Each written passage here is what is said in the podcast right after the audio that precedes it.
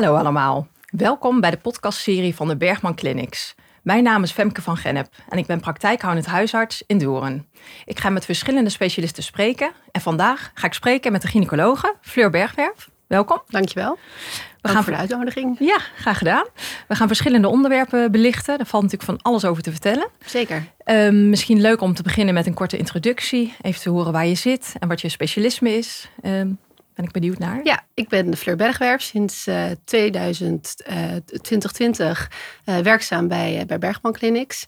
Um, grotendeels in Amsterdam, maar ik doe ook spreekuren in Alkmaar. Um, en we hebben een operatiecomplex in Hilversum, dus de operaties verrichten we in Hilversum.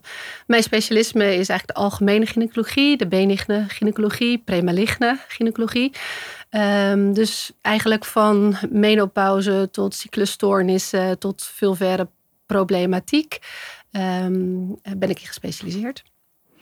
Nou, laten we beginnen met uh, waar je ook al mee begonnen, hè, met de menopauzeklachten. Dat mm -hmm. is denk ik ook wel een belangrijk onderwerp. Mm -hmm. We hebben onlangs een nieuwe NAG-standaard daarover gekregen. En daar ben ik wel benieuwd naar, hè, want ook daar wordt bijvoorbeeld in beschreven: hè, de klachten, of vrouwen komen minder vaak met hun klachten naar het spreken dan vroeger. Dat is niet mijn ervaring. Dus mm -hmm. ik ben heel benieuwd, ja, hoe is jouw ervaring uh, daar op dat gebied? Ja, wij zijn super blij dat de nieuwe richtlijn uh, um, uiteindelijk nu gepubliceerd is. Er is ontzettend veel werk in, in ingestoken door de, door, de werkgroep.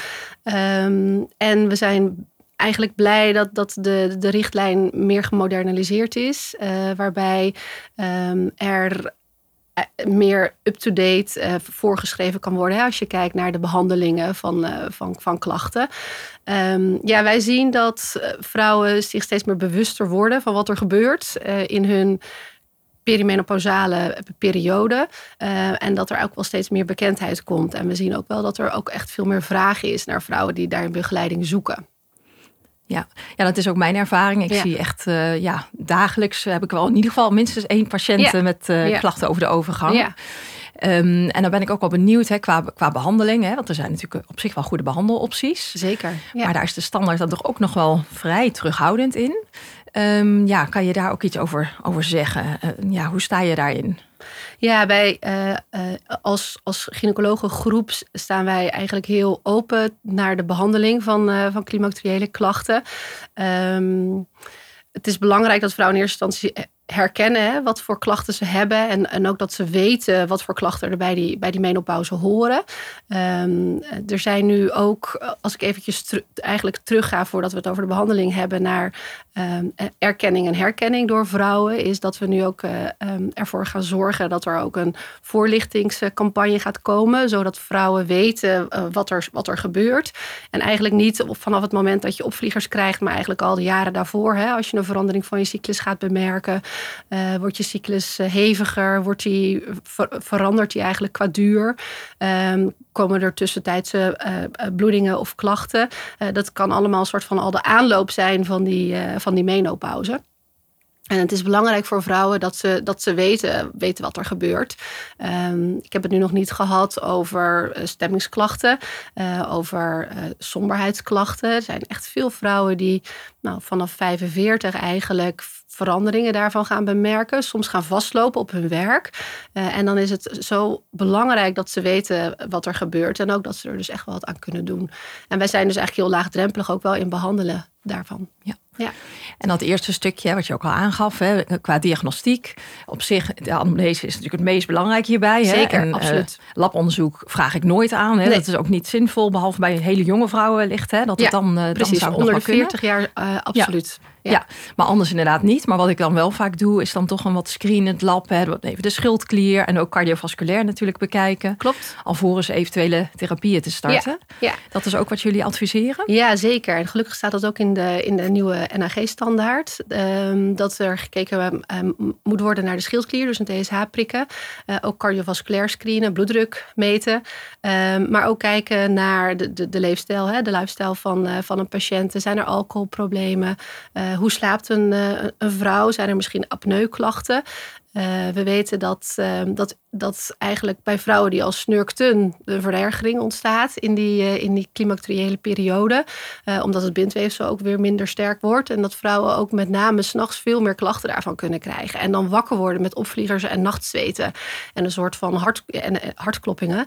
Ehm, wat niet per se dan te maken heeft met de, de, eigenlijk de, de, de schommeling van de hormoon, maar meer eh, met, met het snurken en het apneuprobleem. Uh, dus daar zijn wij ook wel alert op om te kijken eigenlijk naar die randdiagnoses. om ervoor te zorgen dat we die niet over het hoofd zien. Ja, dus eerst goed daar naar kijken, zorgvuldige ja. anamnese. En dan vervolgens besluiten al dan niet uh, ja, medicatie uh, te geven. Precies. Uh, en qua medicatie die we het daarover hebben. Mm -hmm. Ja, waar, ligt bij jullie de voorkeur bijvoorbeeld op het gebied van de oestrogenen die gegeven worden hè, qua toedieningsvorm? Je hebt natuurlijk allerlei varianten, de, de oestrogel, de pleisters, tabletten. Ja.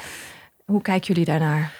Ja, we bespreken de verschillende opties met, uh, met de patiënt. En het hangt er ook een beetje vanaf uh, of het vrouwen zijn die nog menstrueren. Of dat het vrouwen zijn die eigenlijk al uh, gestopt zijn met menstrueren. Een baarmoeder hebben of geen baarmoeder hebben. Um, en afhankelijk daarvan gaan we, gaan we de, de, de behandeling inzetten. Um, wij zijn wij, wij, schrijven veel transdermale um, estradiol voor, omdat dat um, eigenlijk geen verhoogd risico geeft hè, op trombo of, of longembolieën. Dus cardiovasculair geeft dat echt uh, minder risico's. Uh, maar als ik een wat jongere vrouw voor me heb die nog uh, menstrueert en zegt van joh, ik heb liever eigenlijk gewoon één tabletje, dan schrijven we ook wel gewoon een gecombineerde hormoontherapie voor. Um, als ze dan geen, geen overgewicht hebben, niet roken, goed bewegen bewegen. Nou, dan, dan, is dat natuurlijk ook een hele goede, een hele goede optie. En qua progestagene, hè, nou, ik schrijf dan meestal de Utrecht voor, voor de nacht. Ja. Uh, al dan niet hè, 14 dagen op, 14 dagen af, hè, of cyclisch. Ja. Uh, op iets latere leeftijd dan.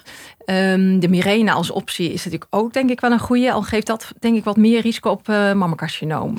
ja, dat, dat, dat, dat geeft een met, name voor de langere termijnen kan het een wat hoger risico geven voor mammacarcinoom. Dus als je kijkt naar de verschillende typen progestagenen, is utrogestan inderdaad het gemicroniseerde progestageen heeft het laagste risico. Gekeken voor de wat langere termijn op, uh, op mammacarcinoom.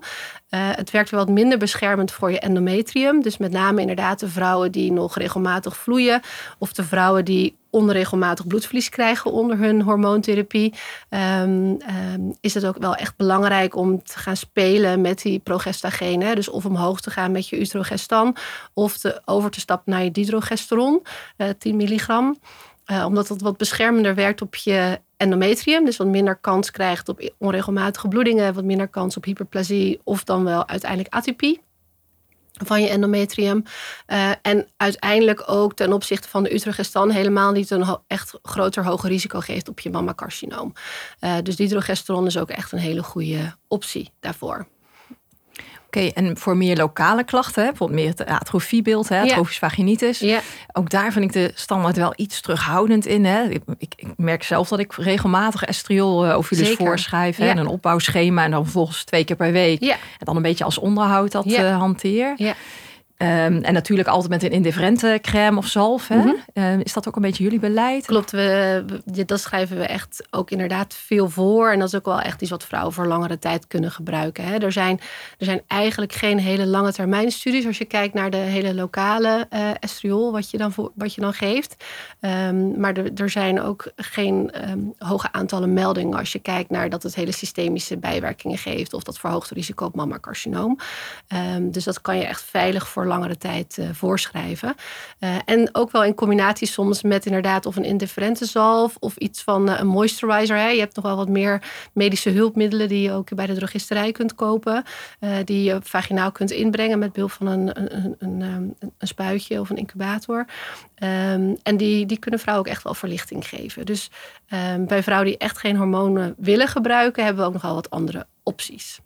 En qua crème of zalf, hè, zalf is dan nog weer wat vetter. Ja. Adviseer je dan meestal toch wel de zalf? Ja, meestal wel de zalf. Ja. ja. omdat die wat vetter is en wat beter, uh, beter beschermt uh, daardoor. Ja, oké. Ehm, en ja, qua. ehm, ja, ik zit nog altijd een beetje met hoe lang ga je dan daar inderdaad mee door? Hè? Want je begint dan natuurlijk met dagelijks eh, de eerste twee weken van de estriol Mhm, ovules. Vervolgens dan twee keer per week. En dan, ja, vaak eh, geef ik dan aan van. dan is het als het ware een beetje gereset. Hè? En dan kan je eventjes zonder. Ja. Maar dan door met de indifferente zalf. Ja. En dan naar wens gewoon on demand weer eens beginnen met twee keer per week. En dat dan weer een paar weken volhouden. Een beetje zo'n schema. Ja. Kan je dat gewoon toch onbeperkt, redelijk onbeperkt doen? kan je wel echt heel lang doen. Ja, bij sommige vrouwen zeggen we ook, joh, je kan het ook één keer per week bijvoorbeeld gebruiken. Ehm, dat er ook een soort schema in blijft zitten. Eh, maar veel vrouwen stoppen inderdaad. En op een gegeven moment krijgen ze dan weer wat meer last. En dan, eh, dan, geven we het, dan schrijven we het weer voor. Ja, precies. En we maken in de eerste lijn ook al veel gebruik van een overgangsconsulente. Hè, daar verwijzen we ook nog wel eens naar. eh. Dat ze toch wat meer tijd hebben, Ja, soms met wat supplementen. Ja. Ehm, werken jullie daar ook mee? Of Ja, dat, daar eh, werken we zeker mee. Ehm, we hebben momenteel nog geen overgangsconsulenten bij Bergman zelf. Dus eigenlijk als gynaecologen zien we zelf de, alle, alle patiënten. Ehm, maar het heeft zeker meerwaarde, omdat ze meer tijd hebben. Ehm, en ook wat meer naar de leefstijl kunnen kijken met vrouwen. Het wat meer op de voeding kunnen, eh, naar de voeding kunnen kijken. Sommige supplementen kunnen, kunnen voorschrijven eh, of adviseren. Ehm, we hebben wel een diëtiste met wie we samenwerken, die ook wel echt gespecialiseerd is in eh, ook de overgang. Dus zij, ehm, eh, zij, zij begeleidt ook vrouwen om de verandering te geven. Hè? Want wat we weten is op het moment dat vrouwen in die overgang komen, is dat ze veel minder calorieën nodig hebben. Omdat, het, omdat het hele spijsverteringssysteem eigenlijk vertraagt. Dus als je door blijft eten wat je eet, normalitair kon eten, dan ga je automatisch aankomen in gewicht. Ehm, eh, dus er is ook echt wel een, een verandering van je dieet nodig rondom eh, de overgang. Misschien tot slot nog even de behandelduur. Hè? Ook daar is de standaard weer wat eh, terughoudend Ja, in. Met eh, ja. zes maanden. En dan Ja. na zes maanden alweer evalueren. Ja, zijn wij minder terughoudend in. Ja. Ja, dus wij adviseren vrouwen eh, om in ieder geval, als ze gestart zijn en ze zich goed voelen, om het in ieder geval echt wel een, jaar te gebruiken. Ehm, en dan elk jaar evalueren we. Eh, dat, dat is wat wij eh, adviseren. Ehm, en dan wel kijken naar welke doseringen, dus ook de laagst mogelijke dosering. Tot dat ze nog wel goed behandeld worden met hun klachten. Ehm, en gemiddeld gebruiken vrouwen het twee tot vijf jaar. Ehm, het nadeel is als je stopt en weer start, is dat het ook weer wat cardiovasculaire belasting kan geven. Ehm, dus we adviseren altijd om nou ja, zo, zo, zo, zo weinig mogelijk te stoppen tussendoor. En pas op het moment dat je denkt van nou ja, volgens mij zit ik nu echt in een rustiger vaarwater dan in overleg te gaan, eh, te gaan stoppen. Ja, dat is altijd best wel een lastig punt in de praktijk, merk ik. Want er zijn vrouwen echt heel tevreden. Van, Ja. oh nee, die zijn eigenlijk wel huiverig om Ja. eh, te stoppen. Ja, Dus dat is soms best een lastig, eh, Ja. een lastig punt. Ja. ja, er zijn ook wat studies die laten zien dat je. ehm, hè, de, de, de- er zijn eigenlijk twee scholen. De, de ene school zegt je kan hem gewoon dan stoppen op het moment dat je eh, niet meer ehm, medicatie wilt gebruiken. De andere school zegt ja, je kan beter afbouwen. Ehm, met de gedachte dat je, dat je lichaam eigenlijk weer went aan de lagere doseringen. ehm estradiol wat je, wat je toedient. En dat er dan ook wat minder snel een, een flare-up van de klachten zal zijn. Eh, je kan je voorstellen als je een pleister bijvoorbeeld van 50 microgram gebruikt en in één keer stopt, dat het best wel kan zijn dat je echt weer even een grote terugslag krijgt. Ehm, dus meestal proberen we wel in stapjes wat meer af te gaan bouwen naar de meest la- lage dosering mogelijk en van daaruit een keertje te stoppen. Ja, maar er zijn ook echt wel vrouwen die het voor langere tijd blijven gebruiken. Omdat ze zeggen, joh, mijn kwaliteit van leven is zoveel beter. Eh, die hebben dan wel geprobeerd te stoppen. Is niet gelukt, omdat ze toch weer toename van klachten kregen. Ehm, en daarbij echt belemmering voor hun werk bijvoorbeeld ervaren. Of gewoon in hun dagelijks leven. En er echt bewust voor kiezen om langer door te gaan. Ehm, belangrijk is dat ze weten wat de voor- en de nadelen zijn daarvan. Mooi. Ja, dat, dat is in ieder geval weer een stuk eh, meer helder. Eh, misschien even een overgang maken naar een huidbeeld, eh gynaecologisch gezien. Bijvoorbeeld een liggend sclerose. Ja. Dat is ook iets wat we natuurlijk regelmatig eh, zien en diagnosticeren. Ehm, over het algemeen houden we dat denk ik aardig in de eerste lijn. Mhm. Eh, met een, klasse 3 of klasse 4 corticosteroïd. En ook weer die indifferente zalf dan Mhm. erbij. Mhm. Maar wat ik zelf dan nog wel eens lastig vind, hè, ik laat patiënten dan één keer per jaar bij mij terugkomen. Uh, omdat natuurlijk in incidentele gevallen toch een maligne ja. ontaarding kan uh, Ongeveer ontstaan. 4 procent. 4 procent, ja. ja. Um, ik vraag altijd ook aan de patiënten zelf hè, om regelmatig te kijken. Als zij verandering opmerken, dat ze dat dan ook aangeven. Mm -hmm. Hoe zou je dat adviseren? Ik vind het soms lastig. Hè? Moet ik dan toch één keer per jaar door jullie laten beoordelen? Of kan ik gewoon prima bij mij dat doen en te kijken of er natuurlijk veranderingen zijn? Ja, um, ik denk dat als je inderdaad uh, redelijk um, regelmatig patiënten ziet met lichensclerosis. En daar ook de, de, de beelden van herkent. Dat je hartstikke goed dat zelf kunt doen elk jaar. Um, en bij twijfel uh, mee laten kijken. Wat wij doen, en dat werkt wel echt heel prettig, is foto's maken. Dus um, eigenlijk een uitgangsfoto maken. en dan één keer per jaar weer opnieuw een foto maken. Want dan kan je ook wel heel mooi, goed vergelijken of er nou verandering is.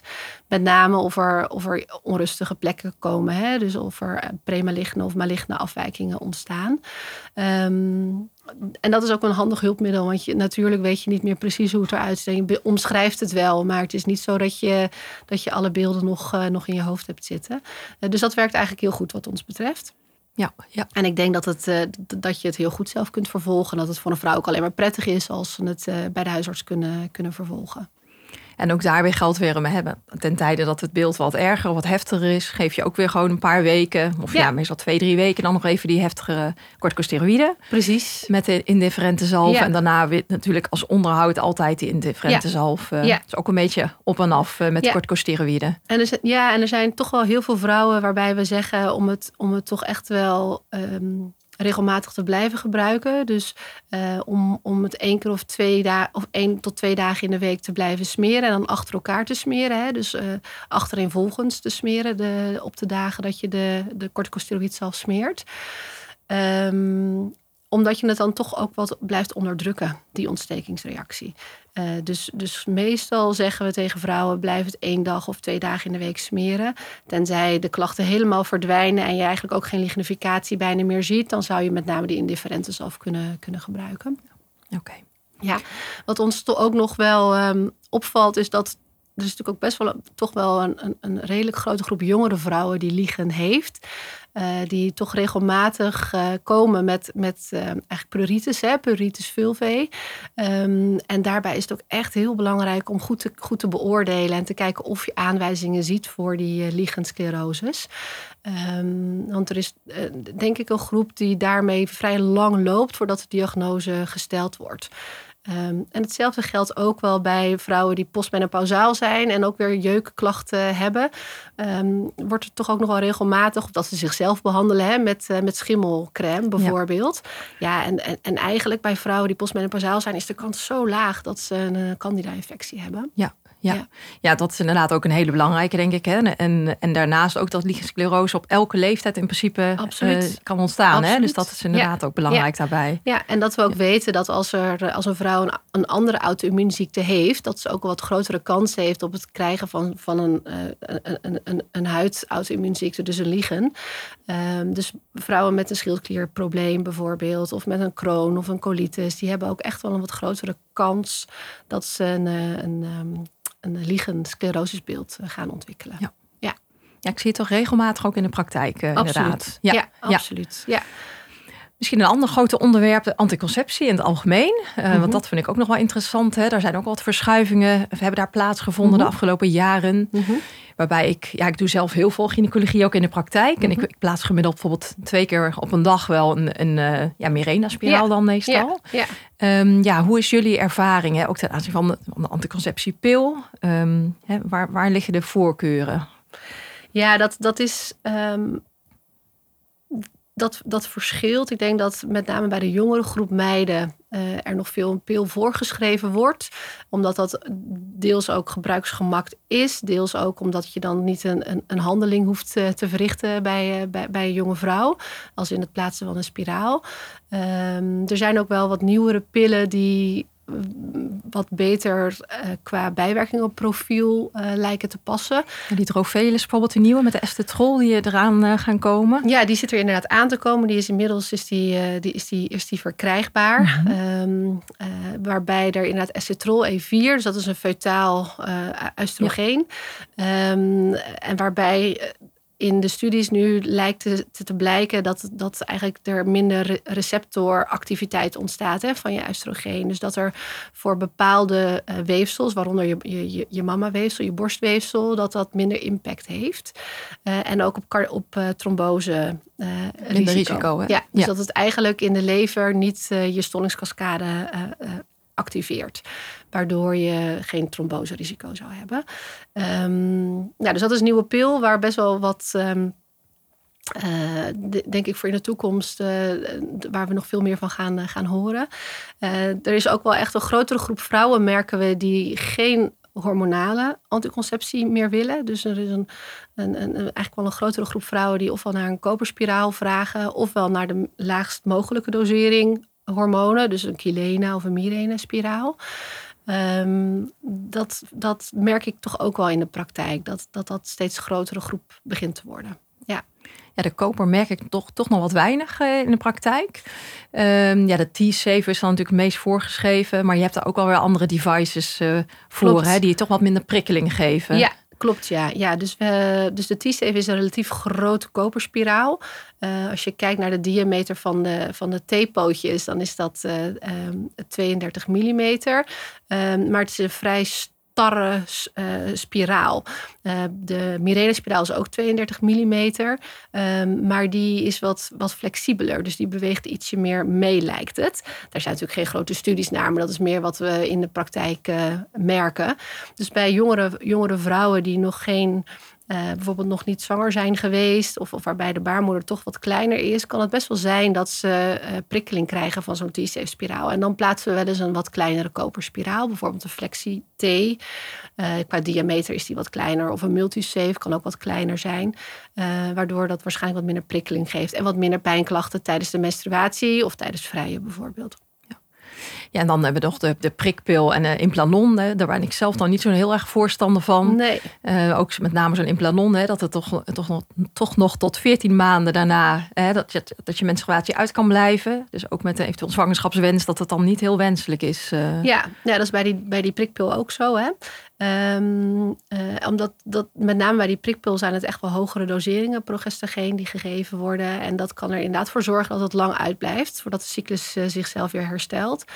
En we zijn ook wat minder fan van die prikpil bij jongere vrouwen, omdat uh, uit studies blijkt dat door de lage dosering, eigenlijk wat die prikpil doet, is dat het er ook voor zorgt dat je je eigen oestrogeen aanmaakt uh, vermindert. Dus die vrouwen zijn eigenlijk hypoëstrogeen ten tijde van de prikpil. En dat heeft toch ook een effect op je botten. Dus um, eigenlijk de botdichtheid die vermindert wat in die eerste jaren nadat zo'n prikpil gegeven wordt. Uh, we zien dat als vrouw het heel, voor heel veel langer gebruikt, dat het ergens weer wat lijkt te stabiliseren, die botdichtheid. En als vrouwen stoppen, dan stabiliseert het zich ook weer. Dus dan verbetert het gelukkig weer.